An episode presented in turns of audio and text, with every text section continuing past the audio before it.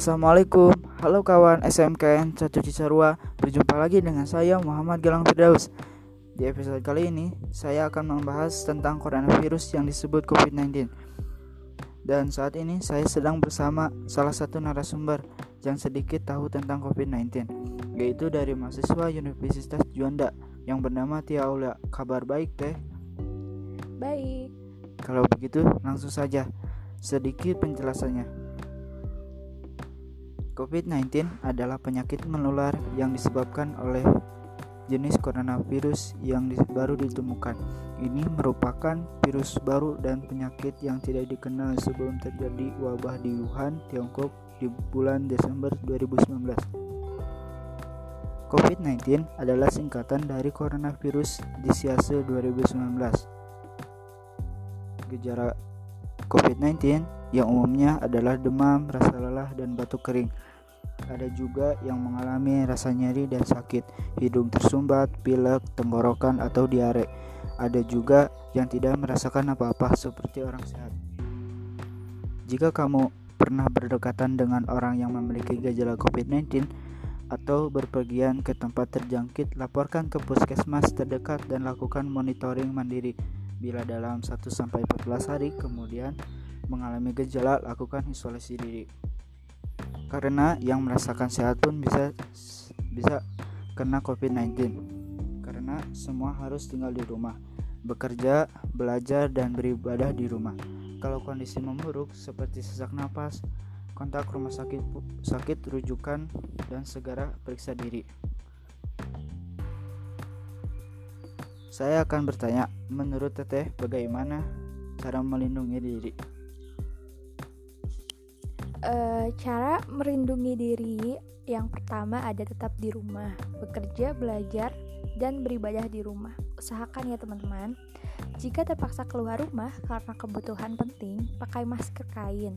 Selalu jaga jarak minimal 1 meter dengan orang lain dan sering cuci tangan pakai sabun atau cairan pembersih tangan. Alkohol minimal 60%. Jangan kontak langsung dengan orang bergejala COVID-19, lakukan komunikasi, komunikasi via telepon, chat, atau video call. Uh, selanjutnya ada hindari kerumunan, jangan sentuh mata, hidung, dan mulut. Selalu cuci tangan pakai sabun dan air mengalir sebelum makan dan menyiapkan makanan, setelah dari toilet, setelah memegang binatang, dan sehabis berpergian. Ketika batuk, atau bersin, tutup mulut dan hidung dengan siku, terlipat atau tisu. Buang langsung tisu ke tempat sampah setelah digunakan. Beritahu petugas kesehatan jika kamu mengalami gejala, pernah kontak erat dengan orang bergejala atau berpergian ke wilayah terjangkit COVID-19.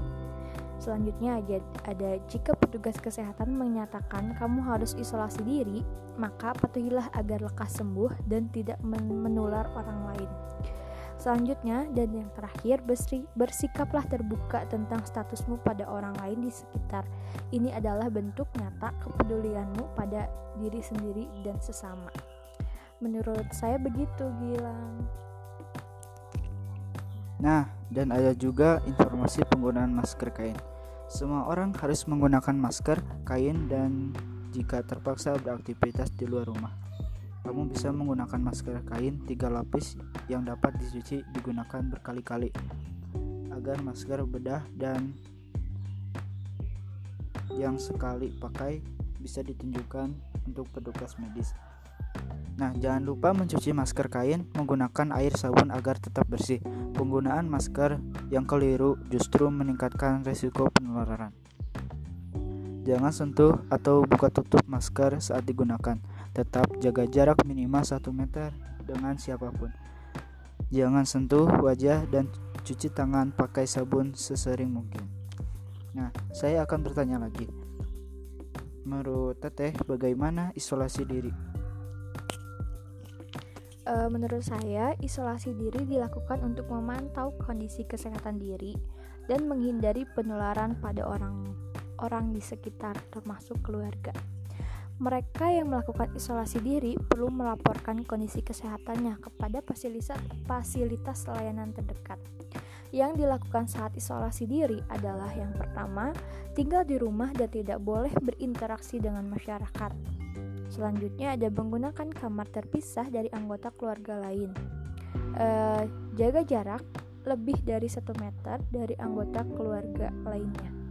Menggunakan masker selama isolasi diri Selanjutnya, ada ukur suhu tubuh setiap hari dan amati gejala yang dialami. Hindari pemakaian bersama peralatan makan, peralatan mandi, dan linen atau spray. Sering cuci tangan, pakai sabun dengan air mengalir. Berada di ruang terbuka dan berjemur di bawah sinar matahari setiap pagi, bersihkan permukaan benda-benda yang sering disentuh dengan cairan desinfektan.